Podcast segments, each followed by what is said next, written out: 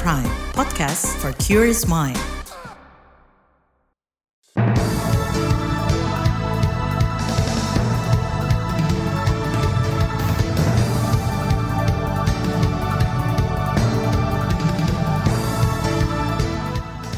Selamat pagi saudara, berjumpa kembali dalam program Buletin Pagi edisi Selasa 12 September 2023. Saya Naomi Liandra. Sejumlah informasi pilihan telah kami siapkan di antaranya. Pemerintah diminta awasi dan tindak tegas mafia beras. Jokowi restui menterinya maju pada Pilpres 2024. Masyarakat Rempang kembali berdemonstrasi tolak PSN. Inilah Buletin Pagi selengkapnya. Terbaru di Buletin Pagi. Saudara, harga beras telah memicu inflasi selama 8 bulan berturut-turut. Badan Pusat Statistik mencatat harga beras naik hampir Rp13.000 per kilogram. Padahal harga eceran tertinggi beras senilai Rp10.900 per kilogram. Ikatan Pedagang Pasar Indonesia IKAPI meminta Satgas Pangan Polri berperan aktif menindak tegas dugaan keberadaan mafia beras. Ketua Umum IKAPI Abdullah Mansuri mengatakan Kondisi sengkarut harga dan stok beras seperti saat ini membuka celah permainan harga. Ya untuk mafia pangan kita serahkan kepada kita serahkan kepada pihak kepolisian lah kan ada satgas pangan biar lebih mantap satgas pangan. Tapi situasi-situasi begini memang tidak menutup kemungkinan ya. Ketua Umum IKP Abdullah Mansuri menduga merosotnya produksi beras dalam negeri menjadi faktor utama meroketnya harga beras. Apalagi produsen beras swasta berani menawar harga gabah lebih tinggi ketimbang bulog dengan langsung mendatangi lokasi penggilingan gabah petani lokal. Indikasi adanya mafia beras diungkap Direktur Utama Perum Bulog Budi Waseso akhir pekan lalu. Buas mengatakan beras yang diguyur untuk operasi pasar melalui stabilisasi pasokan dan harga pangan SPHP telah diselewengkan pedagang nakal di Pasar Induk Beras Cipinang dengan mengekspornya. Karenanya ia enggan menggelar operasi pasar di lokasi itu sekaligus upaya memotong rantai pasok beras. Menurutnya panjangnya rantai pasok beras dapat membuka lebih banyak celah pihak-pihak yang ingin mencari keuntungan. Di sisi lain, Satuan Tugas Pangan Polri mengungkap ada perubahan perilaku petani yang kini lebih mengutamakan penjualan gabah kepada industri penggilingan padi skala besar sebab penggilingan skala kecil tak mampu menyerap harga gabah yang dijual di atas harga pembelian pemerintah HPP yang ditetapkan Perum Bulog. Wakil Kepala Satgas Pangan Polri Helvi Asegaf mengatakan, persaingan harga itu mengakibatkan penggilingan padi berskala kecil terhimpit, bahkan menyetop operasional.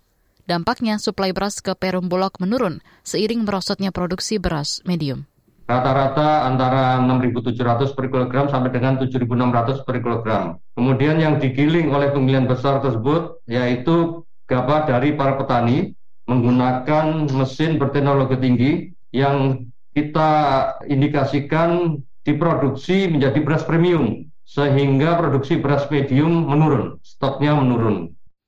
Wakil Kepala Satgas Pangan Polri, Helvi Asegaf, mengungkap hasil pengecekan gudang maupun penggilingan beras di sejumlah wilayah termasuk Jawa Barat, Jawa Tengah, dan Sumatera Selatan. Ia menyebut harga rata-rata nasional senilai Rp7.200 per kilogram.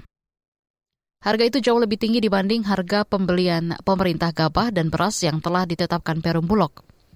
Harga gabah kering panen GKP maupun harga gabah kering giling GKG di penggilingan tidak lebih dari Rp6.200 per kilogram.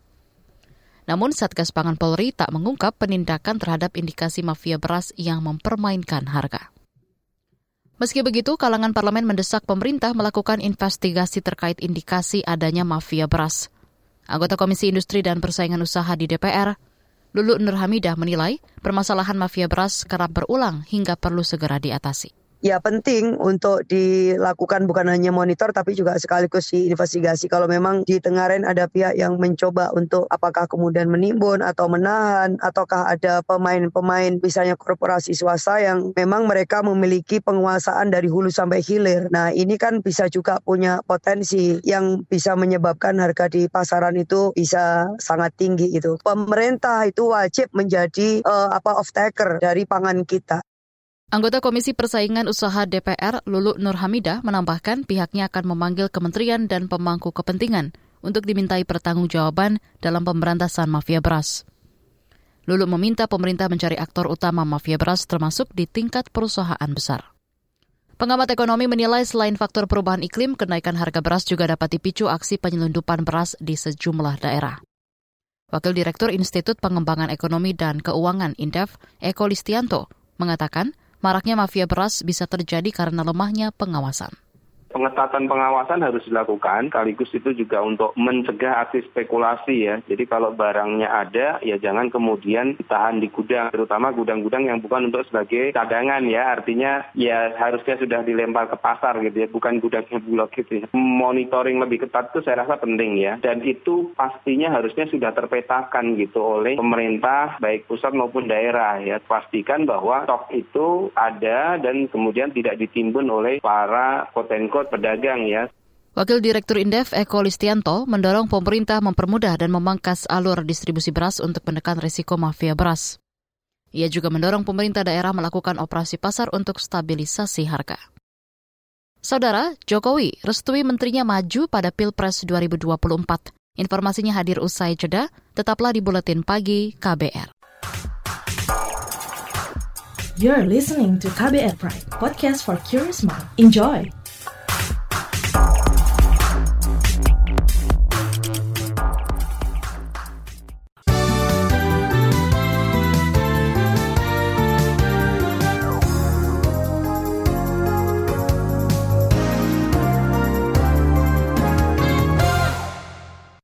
Kita ke informasi pemilu. Kabar pemilu. Kabar pemilu. Presiden Joko Widodo merestui para menteri di Kabinet Indonesia Maju mencalonkan diri sebagai calon presiden dan calon wakil presiden pada pemilu 2024. Namun ia mewanti-wanti terkait larangan memanfaatkan fasilitas negara untuk kepentingan politik di 2024. Aturannya seperti apa? Kalau aturannya tidak boleh tidak usah mundur ya nggak apa-apa. Yang paling penting tidak menggunakan fasilitas negara. Presiden Jokowi juga mengingatkan para menteri yang akan maju untuk mengajukan cuti kampanye. Jokowi memastikan situasi ini tidak mengganggu jalannya pemerintahan. Koalisi Perubahan untuk Persatuan membahas agenda pemenangan pemilihan presiden 2024. Pembahasan itu dilakukan saat kunjungan perdana bakal calon presiden Anies Baswedan ke kantor DPP Partai Kebangkitan Bangsa.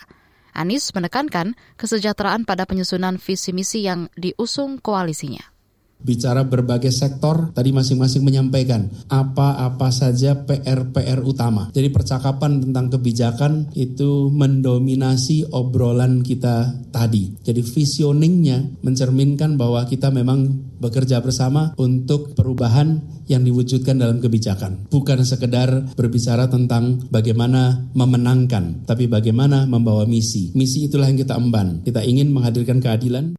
Bakal calon Presiden Anies Baswedan berkomitmen menurunkan persentase kemiskinan masyarakat Indonesia. Pada kesempatan itu ia menyatakan kesiapannya untuk daftar bakal capres dan cawapres lebih awal bersama Muhaimin. Beralih ke informasi hukum, Kejaksaan Agung menetapkan tiga tersangka baru kasus korupsi proyek menara telekomunikasi BTS 4G. Salah satunya pejabat pembuat komitmen PPK Elvano Hatorangan, EH. Juri bicara Kejagung Ketut Sumedana mengatakan tersangka baru ini ditetapkan berdasarkan pengembangan penyidikan dan fakta persidangan proses persidangan yang sedang bergulir dari perkara BTS 4G ini juga jadi bahan evaluasi dari teman-teman penyidik. Ya, namun demikian semua tergantung dari alat bukti, fakta-fakta hukum itu nanti kita kaitkan dengan keterangan yang sudah didapat oleh teman-teman penyidik ke depannya dan sa sampai saat ini masih berjalan semua. Maka dari itu hari ini tiga orang tetapkan sebagai tersangka juga bagian daripada evaluasi proses persidangan dan evaluasi dari teman-teman melakukan pemeriksaan di proses penyidikan. Itu tadi juri bicara Kejagung, Ketut Sumedana. Sebelumnya Kominfo berencana membangun menara BTS 4G di 7.000 lebih titik di daerah tertinggal, terdepan, dan terluar atau 3T termasuk Papua. Namun dalam prosesnya diduga diwarnai korupsi yang merugikan negara senilai lebih 8 triliun rupiah. Kejagung telah lebih dulu menetapkan 8 tersangka, salah satunya bekas Menkominfo Joni G. Plate. Transparency International Indonesia TII melaporkan 16 risiko korupsi pada perizinan dan pengawasan usaha pertambangan pada 2023. Perwakilan Tata Kelola Sumber Daya Alam dan Ekonomi TII, Gita Ayu Atika, mengatakan risiko korupsi meliputi aspek perizinan sektor pertambangan, pengawasan hingga rendahnya partisipasi publik. Kita masih melihat maraknya pemberian izin usaha pertambangan sebagai imbalan permodalan kebutuhan kampanye politik, kemudian lemahnya regulasi untuk memastikan ketaatan dalam seluruh tahapan bisnis proses pertambangan. Kemudian juga maraknya kasus-kasus korupsi di bidang pertambangan juga masih uh, kian terjadi ya pada pasca revisi Undang-Undang Nomor 3 Tahun 2020. Perwakilan Tata Kelola Sumber Daya Alam dan Ekonomi TII, Gita Ayu Atika, menjelaskan Penelitian ini dilakukan untuk menguji perbaikan setelah penerbitan revisi UU Minerba, khususnya terkait sentralisasi alur perizinan dan pengawasan pertambangan yang dianggap dapat maksimalkan perburuan rente di tingkat lokal. Kita ke informasi G20. Presiden Joko Widodo mengajak para pemimpin negara anggota kelompok G20 melakukan aksi nyata melindungi kelestarian bumi. Ajakan itu disampaikan Presiden Jokowi dalam pertemuan di konferensi tingkat tinggi KTT G20 di India akhir pekan lalu. Menteri Luar Negeri Retno Marsudi mengatakan dalam pertemuan itu Presiden juga menekankan upaya masif dan radikal guna mengatasi perubahan iklim. Presiden menekankan dua pendekatan. Yang pertama, percepatan transisi menuju low carbon economy. Presiden menilai Komitmen negara maju masih terbatas retorika dan di atas kertas, baik untuk pendanaan climate sebesar 100 miliar US dollar per tahun maupun fasilitas pendanaan loss and damage. Untuk itu Indonesia mendesak pentingnya alih teknologi untuk investasi hijau. Menteri Luar Negeri Retno Marsudi menambahkan pendekatan kedua yang disampaikan Presiden Jokowi adalah tentang pentingnya pendanaan inovatif termasuk sinergi antara pemerintah dengan swasta. Beralih ke berita mancanegara. Pemerintah Maroko memperbarui informasi jumlah korban jiwa akibat gempa bumi bermagnitudo 6,8 yang berpusat di Marrakesh menjadi hampir 2.500 orang. Kementerian Dalam Negeri setempat mengungkap jumlah korban diperkirakan masih terus bertambah lantaran upaya pencarian masih terus dilakukan. Pemerintah Maroko telah menetapkan tiga hari sebagai hari berkabung nasional. Mereka juga mulai menerima tawaran bantuan asing – di antaranya Spanyol, Inggris, Qatar, dan Uni Emirat Arab. Selain keempat negara itu, tawaran juga datang dari negara lain. Presiden Prancis dan Palang Merah Tiongkok disebut siap menyalurkan bantuan. Menurut laporan media China Daily, Palang Merah China siap sumbangkan lebih 2 miliar rupiah. Beralih ke berita olahraga. Sejumlah perwakilan dari Asia Tenggara sudah memastikan lolos ke putaran selanjutnya pada Piala Asia U23 2024. Vietnam dipastikan menjuarai grup C setelah berhasil menyapu bersih dua laga di kualifikasi Piala Asia U23 dengan mengantongi 6 poin. Dua kemenangan itu diraih setelah memenangi duel melawan Guam dengan skor 6-0 dan Yaman 1-0. Selain Vietnam, Malaysia dan Thailand akan berebut satu posisi ke babak selanjutnya. Sedangkan tim Merah Putih harus berhasil menahan serangan Turkmenistan dengan hasil minimal imbang pada laga besok di Solo, Jawa Tengah untuk lolos ke babak selanjutnya.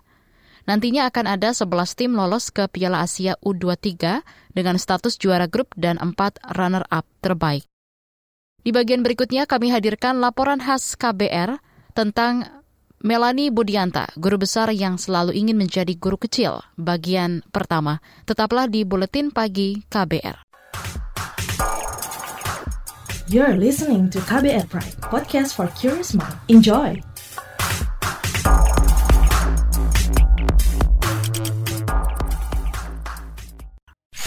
Commercial break.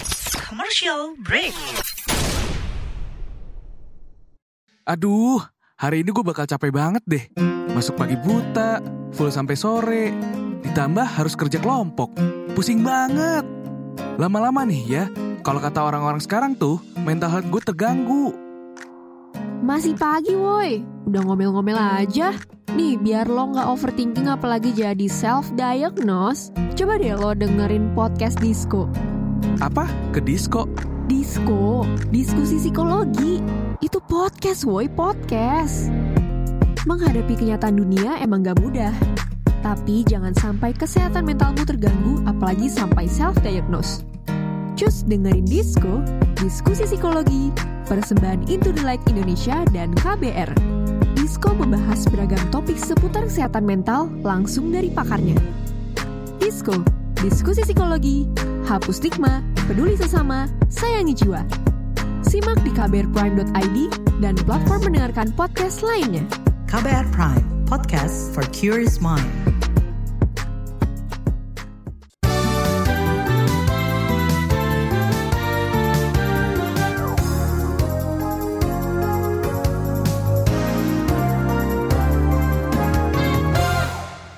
Anda masih bersama kami di Buletin Pagi KBR. Sarwono Award 2023 untuk Melani Budianta hanya pengakuan kesekian atas dedikasinya terhadap pengembangan sastra dan budaya. Konsistensinya dilandasi keyakinan akan kekuatan sastra untuk memperjuangkan kemanusiaan. Jurnalis KBR Nafisa Diana berbincang dengan Guru Besar Fakultas Ilmu Budaya UI ini tentang Sarwono Award, perjalanan intelektualnya hingga krisis-krisis yang mematangkan pemikirannya. Simak kisah bagian pertama yang dibacakan Aika. Sebelumnya itu saya cari isi Sarwono itu apa gitu Sarwono karena saya taunya Sarwono Pak Menteri ya gitu Sarwono lalu saya lihat oh Sarwono Prawuyotijo itu berbeda lipayatnya begini Melani Budianta sempat bingung kala September 2022 lalu dihubungi panitia Sarwono Award. Ia masuk nominasi penerima penghargaan yang dihelat Badan Riset dan Inovasi Nasional BRIN. Selama ini, pikirnya, Ajang itu hanya untuk para saintis, bukan bidang sosial humaniora yang digelutinya. Pada akhirnya, setelah melewati rangkaian proses penilaian termasuk wawancara, Melanilah yang terpilih. Ya, sebetulnya sedikit tak, tidak percaya juga ya. Ya, saya merasa bersyukur bahwa tahun ini diberikan pada bidang sosial humaniora dan kebudayaan lah. Dan saya anggap saya mewakili teman-teman yang bekerja di bidang. Sehari sebelum menerima Sarwono Award, Melani resah Naskah pidatonya belum siap karena sibuk sepanjang pekan. Tak punya ide pula bakal menulis apa. Matanya lantas tertuju pada antologi sastra Indonesia di rak. Secara acak, ia membuka halaman demi halaman buku itu, lalu terhenti pada sebuah cerpen. Judulnya, Baju, Sepatu, dan Lima Rupiah. Karya Margate yang belum lama berpulang. Saya baca, baca gitu uh, cerpen itu. Hanya tiga halaman cerpennya. Wah, saya mulai dari sini aja begitu. Lalu saya mulai dari cerpen itu dan lalu terus mengalir saja gitu. Jadi saya kira saya berterima kasih nih Madam Marga. dari karya Margate yang ditulis pada 1970, Melani mengajak untuk kembali memaknai kemajemukan sebagai bangsa. Ini mengajak pembacanya masuk ke dalam perspektif narator untuk pada akhirnya menyadari bias-bias kelasnya yang sudah terinternalisasi. Pembaca diajak untuk berempati dan merasakan bagaimana menjadi yang lain. Kemampuan untuk membayangkan dan menghayati keragaman sangat penting bagi warga Indonesia. Suatu negara yang Melani diapresiasi karena kontribusinya selama puluhan tahun di bidang sastra, budaya, dan pengembangan kampung. Kecintaannya pada buku dan sastra dipupuk sedari kecil dari lingkungan keluarga. Uh, orang tua saya memang selalu mendidik kalau ulang tahun itu hadiahnya buku atau Anda menulis sendiri, mengkreasikan sendiri. Jadi Bagi Melani, sastra memungkinkan pembaca berimajinasi melampaui keterbatasan ruang dan waktu. Melalui sastra, pengetahuan dan empati terhadap mereka yang berbeda bisa terbangun meski tak bersua. Sastra mengasah kemanusiaan. Saat Melani kuliah S1 di sastra Inggris UI, ia tergugah untuk mengenalkan sastra ke mereka yang tak seberuntung dirinya. Perempuan kelahiran Malang, Jawa Timur ini membangun perpustakaan kecil di sebuah kampung miskin di Tanah Abang, Jakarta Pusat. Kehidupan anak-anak di sana kontras dengan masa kecil Melani seperti yang saya alami ketika saya ke Tanah Abang itu. Tanah Abang itu ada di ibu kota dan itu tahun saya masuk itu 70-an ya. Ketika saya bawa buku ke kampung di Tanah Abang itu, ternyata untuk membaca pun mereka kelas 4 SD belum bisa membaca gitu ya itu. Di periode inilah Melani berjumpa dengan Ahyar, anak yang mengubah caranya memandang sastra dan realita. Jadi Ahyar itu adalah anak muda umur 8, 9, 10 gitu ya. Yang badannya agak besar gitu dan dia itu semacam preman muda lah gitu ya. Yang biasanya di jalanan, hidupnya di jalanan sepenuhnya. Buku tentu bukan bukan suatu yang dia geluti gitu ya. Dia pernah. Tapi dia tertarik untuk datang ke tempat saya itu. Si Ahyar ini sering datang mendengarkan cerita saya gitu ya. Dia rajin gitu. Dan. Suatu hari Melani menantang mereka menulis dan hasilnya bakal ditempel di dinding. Mereka antusias, tak terkecuali Ahyar. si Ahyar ini suatu ketika datang kepada saya membawa hasil tulisannya dengan sangat bangga gitu. Nah saya membaca itu ini huruf-huruf yang ditempel-tempel. Rupanya dia ambil dari mana ditulis, diambil dari mana gitu. Saya bingung. Semua sudah ditempel kecuali punya Ahyar ini. Melani lantas memanggil Ahyar dan mengajarinya tata bahasa. Ahyar hanya dia mendengarkan. Sejak hari itu, Ahyar tak pernah muncul. Ya, saya belum punya pengalaman sama sekali bergaul dengan anak-anak. Jadi saya mengajarkan tata bahasa lah gitu ya kepada anak yang sama sekali tidak mengenal bahasa tulis. Akhirnya anak itu nggak pernah datang lagi. Gitu. Dan saya sangat menyesal gitu ya. Sampai kini, Melani tak pernah lupa dengan Ahyar. Anak itu bakal selalu jadi pengingatnya. Pada waktu saya mendapat guru besar gitu ya. Dan itu buat saya itu menunjukkan saya ini selamanya guru kecil gitu. Artinya kebesaran itu tidak ada artinya ketika saya berhadapan dengan orang seperti Ahyar gitu. Jadi saya harus selalu merefleksikan ilmu saya relevansinya untuk masyarakat nyambung. Selain Ahyar ada momen-momen perenungan lain yang memengaruhi perjalanan intelektual Melani Budianta. Seperti apa? Simak kisahnya esok. Demikian saga jurnalis KBR Nafisa Deana. Saya Aika Informasi dari berbagai daerah akan hadir usai jeda. Tetaplah bersama Buletin Pagi KBR. You're listening to KBR Pride, podcast for curious mind. Enjoy!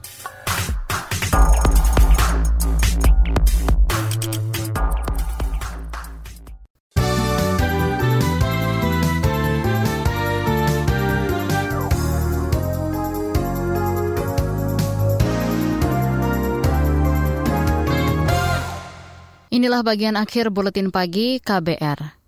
Gempa bumi dengan magnitudo 5,2 mengguncang kota Sabang, Aceh pagi tadi pukul 5 lebih 9 waktu Indonesia Barat. Berdasarkan laman resmi Badan Meteorologi, Klimatologi, dan Geofisika BMKG yang dipantau di Jakarta, lokasi gempa terletak pada 5,82 lintang utara LU dan 94,57 bujur timur BT. Adapun pusat gempa berada di 83 km barat daya kota Sabang Aceh dengan kedalaman 102 km. Sejauh ini tidak dilaporkan potensi tsunami akibat gempa tersebut, namun BMKG mengimbau masyarakat untuk waspada atas kemungkinan gempa susulan. Saudara Badan Nasional Penanggulangan Bencana mencatat dalam sepekan ini terdapat 60 kejadian bencana di berbagai daerah. Juri bicara BNPB Abdul Muhari mengatakan bencana kebakaran hutan dan lahan karhutla masih mendominasi dengan 43 kejadian atau 73 persen. Meski begitu, BNPB mencatat masih ada kasus bencana hidrometeorologi. Kemudian masih ada banjir karena bagian utara dari negara kita yang di, di atas di utara ekuator itu masih menerima kumulatif dari awan hujan yang mengakibatkan hujan turun dengan intensitas cukup tinggi khususnya di Sumatera bagian utara. Ya. Puting beliung kekeringan masih dominan. Abdul Muhari menambahkan, khusus bencana kekeringan di Pulau Jawa disebabkan ketiadaan hujan selama lebih dari 60 hari. Akibatnya sejumlah daerah seperti Serang, Banten, Kabupaten Bekasi, Jawa Barat hingga Yogyakarta mengalami krisis air bersih. Kita ke Kepulauan Riau. Tim Advokasi untuk Kemanusiaan Rempang mengecam penetapan tersangka secara sewenang-wenang oleh Polresta Barelang, Batam. Sejauh ini tim advokasi mencatat ada delapan tersangka usai aksi penolakan penggusuran warga di 16 kampung tua Rempang, Galang, Kamis pekan lalu. Dalam rilis yang diterima redaksi, Aliansi Masyarakat juga mengecam penggunaan gas air mata oleh aparat gabungan TNI Polri dan Satpol PP terhadap warga. Kemarin masyarakat kembali melakukan aksi unjuk rasa menolak pembangunan Rempang Eco City di depan kantor Badan Pengusahaan BP Batam. Kemarahan pengunjuk rasa diduga dipicu tidak diakomodasinya poin tuntutan. Salah satunya mengakui tanah ulayat atau tanah adat mereka yang telah ditinggali selama ratusan tahun sejak 1834. Bergeser ke Jawa Timur, Laman resmi Badan Pengawas Pemilu Bawaslu Kabupaten Banyuwangi, Jawa Timur diretas menjadi situs judi daring. Ketua Bawaslu Banyuwangi Andrianus Jansen Pale mengatakan hingga kini akun Bawaslu tidak dapat diakses dengan baik. Sama sekali tidak tidak mempengaruhi Mbak, cuma kerja-kerja pengawasan. Mestinya kan sebagai media pendukung saja sebenarnya, media pendukung. Hmm. Tapi kalau kerja-kerja pengawasan tidak mempengaruhi. Tapi memang kita butuh, kita butuh website sebagai bentuk apa konektivitas antara lembaga dan masyarakat hmm. juga kebutuhan kebutuhan administrasi kelembagaan lainnya jadi kita memang butuh tapi kerja-kerja pengawasan uh, secara langsung tidak berdampak. Ketua Bawaslu Banyuwangi Andrianus Jansen Pale menambahkan pihaknya belum melaporkan kejadian pertasan ini ke polisi karena masih menunggu penanganan dan instruksi dari tim siber internalnya. Informasi tadi menutup jumpa kita di Buletin Pagi hari ini. Pantau juga informasi terbaru melalui kabar baru, situs kbr.id, Twitter kami di akun @beritaKBR, serta melalui podcast di alamat kbrprime.id. Saya Naomi Liandra bersama tim yang bertugas undur diri. Salam.